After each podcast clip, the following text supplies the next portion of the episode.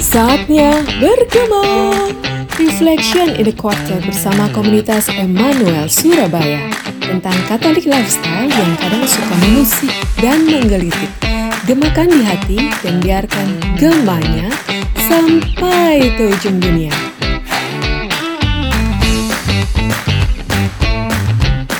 Saatnya bergema. Kembali lagi di podcast Gema, saya dengan Ira. Dan Sutri di sini. Nah, kok besok kan kita akan merayakan hari raya kenaikan Tuhan, di mana kita semua tahu bahwa Yesus memberikan kita seorang penghibur. Nah, itu menjadi hadiah buat kita sebelum ia naik ke surga. Pastinya hadiah itu sangat spesial kan? Iya, betul banget, Ir. Kita habis gini masuk masa penantian. Kita akan menanti Roh Kudus datang atas kita. Ya, ngomong-ngomong, Roh Kudus itu siapa sih, Ir? Hmm, Roh Kudus itu adalah nafas yang berhubungan dengan kehidupan. Jadi dia memberikan kehidupan kepada gereja dan kepada kita dengan cara apa ya? Dengan cara memberikan kelahiran baru dalam sakramen baptis. Jadi dia itu tinggal di dalam diri setiap orang yang dibaptis, memberikan rahmat dan karunia-karunianya untuk kita menjalani hidup di dunia ini. Nah, Roh Kudus itu dijanjikan sama Yesus untuk menjadi penghibur dan penolong kita. Eh, jangan panjang-panjang, Ir. Ya. Nanti bintang tamu kita nggak dapat kebagian screen Iya, time. benar. Iya, kali ini kita kembali lagi ke Jadi Jejer untuk ngobrol-ngobrol sama Romo Agung. Oke. Tak pakai lama, yuk, go go go. Oke, yuk langsung. Yuk langsung. Halo Romo Agung, senang Halo. bisa kembali ke sini lagi Romo. Ya, selamat datang kembali Sutri. Iya Romo. Oh ya ngomong-ngomong ke temanmu si Yudis dengan Adi nggak datang? Oh iya nggak datang Romo. Datang Oh, Romo cuma saya kali dan adik ini saya. ya dengan Ira. Oh ya ditemani. Ini Ira adikmu ya, saja. Ira. Ya tuh. Oh ya. Oh ini datang ke sini mau tanya-tanya sesuatu atau Oh iya pasti kita mau tanya-tanya ini Romo. Iya. mau Romo. tanya yang berat-berat lagi atau enggak ini? Oh pastinya Romo tenang. Pasti pertanyaannya makin berat hari ini. Wah semoga saya diterangi Roh Kudus ya. Iya Romo, pastilah Romo. Amin amin. Nah kebetulan kita mau tanya-tanya tentang Roh Kudus nih Romo. Oh tanya tentang Roh Kudus ya. Iya betul. Loh mengapa kok ingin tanya tentang Roh Kudus? Ya karena kan eh, besok kita akan merayakan Hari Raya Kenaikan Tuhan. Terus kita masuk eh, penantian kedatangan Roh Kudus nih, Romo buat Pentakosta. Jadi ya kita ingin tanya-tanya tentang Roh Kudus. Iya ya ya baik baik. Sebenarnya kapan kita menerima Roh Kudus pertama kali, Romo? Ya, eh, sebelum saya menjawab pertanyaan kapan Roh Kudus kita terima begitu ya. Eh, sebagaimana kita ketahui ketika janin itu berada dalam kandungan seorang ibu, nah itu Tuhan sudah meniupkan jiwa ke dalamnya. Karena kita ketahui kan ya manusia itu terdiri dari tubuh dan jiwa. Hmm. Dan itu yang membuat kita sebagai kodrat kemanusiaan kita itu menjadi manusia, seorang manusia yang sungguh-sungguh. Nah, kemudian ya, kemudian eh, kalau kita ingin tahu tentang Roh Kudus itu kapan kita terima, yaitu ketika kita adalah di dibaptis lewat sakramen baptis. Nah, lewat sakramen baptis ini, ya Tuhan memberikan Roh Kudusnya, sehingga kita yang semula itu eh, kodrat kita sebagai manusia ini hanya kodrat eh, se- eh, kodrat manusiawi kita, ya Hmm. sisi kodrati kita. Nah, kita diangkat lewat Roh Kudus ini lewat rahmat baptisan ini ya menjadi menjadi diangkat ke dalam tataran adi kodrati ya menjadi anak-anak Allah kita diilahikan. Jadi sebetulnya memang Roh Kudus itu kita terima ketika kita dibaptis dalam sakramen baptis. Begitu. Oh, jadi setelah kita dibaptis ini baru kita menerima eh, rahmat Roh Kudus yang penuh gitu ya, Romo? Oh, Iya, begitu. Iya, iya. Heeh. Dulu saya dibaptis waktu saya masih bayi, Romo. Jadi ya, puji Tuhan, saya sudah dapat rahmat penuh ini dari sejak saya kecil. Oh, Iya, saya, saya juga, juga- dibaptis Oh, iya, waktu masih Ira juga. lucu-lucunya Romo. Waktu kamu masih lucu-lucu Iya. Sekarang udah amit-amit nih ya. Enak aja, saya tambah lucu sekarang. bener nggak tambah lucu? ya mungkin lucu lah ya. ya back to the topic Romo. Oh, nah ya. tadi kan kita sudah menerima Roh Kudus pada saat sakramen baptis. Iya betul. Nah, bagaimana caranya Roh Kudus itu mengubah hidup kita, Romo, atau berkarya di dalam hidup kita, Romo? Ya, eh, karya-karya Roh Kudus dalam hidup kita itu eh, begitu banyak ya. Ya kita mungkin juga sudah tahu bahwa ada karunia bernubuat, ya. Kemudian karunia eh, penyembuhan, yaitu karya Roh Kudus juga karunia berbahasa roh. Ya, tetapi di lain di lain tentang hal itu ya, itu kita juga bisa kenali bahwa ketika kita punya keinginan untuk dekat sama Tuhan, itu sebetulnya Roh Kudus yang ada di situ. Roh Kudus berkarya, dia memberi semacam keinginan bahwa buat kita untuk untuk bertumbuh, untuk dekat pada Tuhan. Bahkan ketika kita jauh dari dari Tuhan, ya, dia pula yang yang mengusik hati kita, ya, dia yang membantu kita untuk untuk bertobat, Hmm. begitu. Hmm. Ya, kita didorong kayak, ayo, ayo bertobat. Mungkin kita kadang dengar suara hati kita yang uh, berkata, ya, ayo, ayo kembali pada jalan Tuhan. Nah, itu Roh Kudus berkarya. Roh Kudus Iya, ada betul. di situ. Bahkan ketika kita sudah merasa bahwa itu kita baik dan dekat dengan Tuhan pun, dia terus membantu kita untuk terus bertumbuh, ya, agar kita semakin dekat dan dekat lagi sama sama Tuhan. Hmm. Nah, singkat kata karya Roh Kudus itu pada intinya membantu kita untuk lebih hidup dalam kekudusan, untuk kita dapat lebih dekat dengan Tuhan, juga agar kita semakin berada pada keselamatan. Ya, kurang lebih begitu. Wah, ya menarik Iya, sekali iya. ya. Iya, berarti Roh Kudus ini eh, bisa membawa kita kembali ya. Berarti eh, membawa kita ke dalam pertobatan gitu ya, Romo. Iya, tentu. Oh iya iya. Tentu. Jadi kalau saya ini mau masuk ke kamar pengakuan terus eh, saya nervous gini Romo. Itu mau ngaku apa? Itu saya bisa minta bimbingan Roh Kudus ya buat Oh ya Roh Kudus ini saya mau ngaku dosa apa gitu.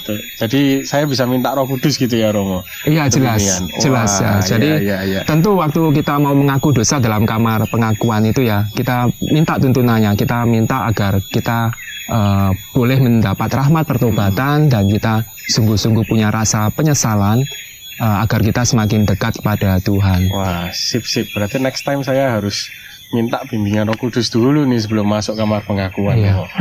Nah iya, betul juga ini Romo. Eh, kan kita ini manusia sering ini Romo, Eh, apa punya pertentangan dalam hati gitu. Hmm. Pingin ikut eh, kemauan saya sendiri yang enak, nyaman, atau Hmm. mengikuti kehendaknya Roh Kudus. Nah, Ya. kalau saya mengikuti kehendak Roh Kudus nih Romo, apakah itu berarti Roh Kudus memaksakan kehendak bebas saya, Romo?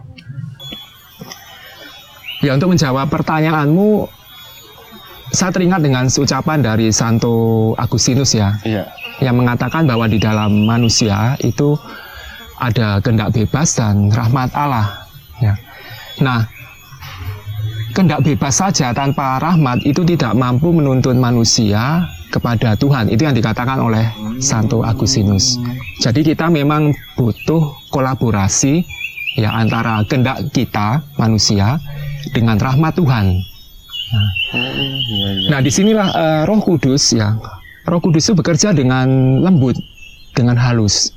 Dia bekerja menuntun kita ya supaya kita berada dalam jalan-jalan kekudusan ya, memanggil kita agar melakukan ya hidup kehidup eh, aktivitas kita atau atau tindakan-tindakan yang kita buat itu eh, mengarah kepada Tuhan begitu. Hmm. Nah, dia bekerja dengan lembut dengan dengan dengan halus itu tentunya menghormati kehendak bebas kita, menghormati kebebasan kita.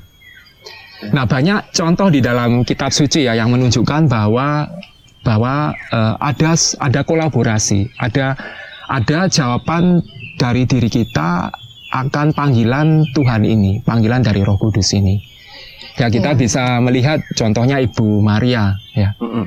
Ibu Maria ini kita kenal sebagai sosok yang luar biasa, yang sempurna, yang selalu menjawab iya pada kehendak Allah. Ya, fiat dia mengatakan iya kepada kehendak Iya. Tuhan. Tetapi ada tokoh lain kita bisa lihat di dalam di dalam kitab suci ya. Nah, contohnya Raja Herodes. Nah, dia itu mendengar berita gembira akan kelahiran Tuhan, ya. Tetapi dia menolak berita gembira tersebut. Malah dia memutuskan melakukan sesuatu yang yang Kejam gitu. kejam ya luar Iya. biasa itu saya luar biasa ya dia ma- malah akhirnya memilih membunuh uh, bayi-bayi yang ada di, di sekitar Bethlehem Iya, betul. begitu. Nah di sini kita bisa lihat bahwa Roh Kudus menawarkan keselamatan. Roh Kudus memanggil kita pada kekudusan, tetapi juga Dia menghormati kebebasan kita. Bagaimana tanggapan kita akan akan panggilannya itu tetap ada dalam diri kita.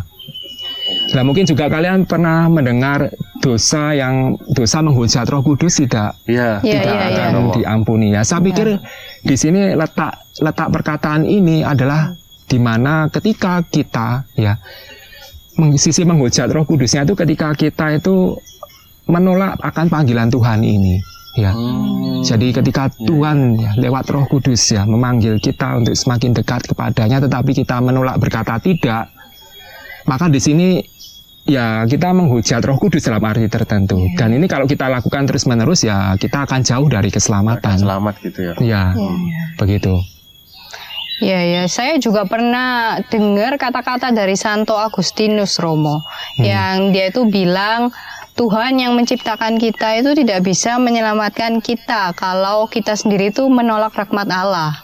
Ya, Ya. gitu kan. Jadi Roh Kudus itu sebenarnya tidak pernah memasakkan kehendak kita, tapi dia secara aktif menga- menarik kita itu ke kekudusan ya Romo ya. Iya betul, benar sekali. Oke, oke Romo. Iya. Nah, satu pertanyaan lagi Romo, pertanyaan terakhir. Oh, pertanyaan terakhir ya. Ya. Oh ya. Nah, Romo tadi kita kan pada saat sakramen pembaptisan, kita itu menerima rahmat pengudusan. Hmm, betul. Nah, apakah rahmat itu tinggal di dalam diri kita ataukah rahmat itu bisa hilang dari diri kita, Romo? Ya. Rahmat pengudusan yang kita terima ya dari dari karya Roh Kudus itu membantu kita memang bertumbuh di dalam kekudusan ya berjalan bersama Tuhan. Tetapi eh, rahmat dari Roh Kudus ini eh, tidak membantu kita eh, kebal dari dosa ya. Kita pun ya lewat peng- pengetahuan pengalaman kita sehari-hari sehari-hari kita memang tetap banyak melakukan dosa Iya. ya. Demikian. Nah, tetapi di situ ya Roh Kudus ya dengan rahmatnya itu membantu kita untuk ayo dekat kembali pada Tuhan untuk bertobat. Nah, ini eh, Roh Kudus tetap tinggal bersama bersama kita. Tetapi ketika kita melakukan dosa yang berat, ya dosa berat, melanggar 10 perintah Allah, ya. Nah, di sini bisa jadi eh, rahmat pengudusan ini atau Roh Kudus dalam arti tertentu ya, eh, seperti hilang, seperti Iya, iya. pergi, Hilang. begitu ya. Seperti Ya. Nah, tetapi ketika kita meminta pengampunan lewat sakramen pengakuan dosa, ya, nah di situ rahmat pengudusan ini, Roh Kudus itu eh, datang Kembali. kembali, bisa Oh. kembali. Heeh. Bisa kembali. Ya. Hmm. Jadi di situlah eh, letaknya. Dalam arti tertentu eh, Tuhan kita adalah Tuhan yang setia. Dia tidak pernah meninggalkan kita. Tetapi dia dia bekerja dengan dengan dengan lembut ya, dengan halus. Dia tetap menghargai kebebasan kita. Dan ketika kita jatuh ke dalam dosa, dia tetap memanggil kita untuk Untuk kembali. untuk ya. ayo kembali, kembali. pulang. Heeh. Tetapi ketika kita menolak dia semacam ya Jauh gitu. ya karena dia pribadi yang begitu begitu lembut. lembut ya. Iya. Tapi dia akan selalu mencari kesempatan kit- kepada mencari kesempatan buat kita untuk kembali. Iya, iya. Demikian. Wah, oke Romo, sudah jelas banget. Oke. Jadi eh, kalau kita menghidupi rahmat Roh Kudus ini secara penuh, ini akan membantu kita dalam perjalanan menuju kekudusan ya Romo. Ya betul betul. Wah, iya. Thank you Romo untuk Iya, eh, makasih kali Romo. ini ya Romo. Ya senang sekali ya bisa berdialog ya eh, wawancara Betul. dengan kalian ya. Kalau ada kesempatan kita bisa ketemu lagi. Yes. Iya ya. Romo, semoga juga di episode kali ini membuat kita terbuka pada peran Roh Kudus di dalam hidup kita. Iya. Thank you sudah bergema bersama bagi yang nonton dan mendengarkan. Jangan lupa setiap tanggal 25 kita akan kembali lagi. Like, subscribe, dan follow. Tulis di kolom komentar dan juga nyalakan notifikasinya ya. Oke. Bisa juga cek episode kami yang sebelum-sebelumnya jika kalian kelewatan dan jangan lupa share ke teman-teman kalian dan kenalan kalian supaya gemanya sampai ke ujung dunia. Bye. Bye.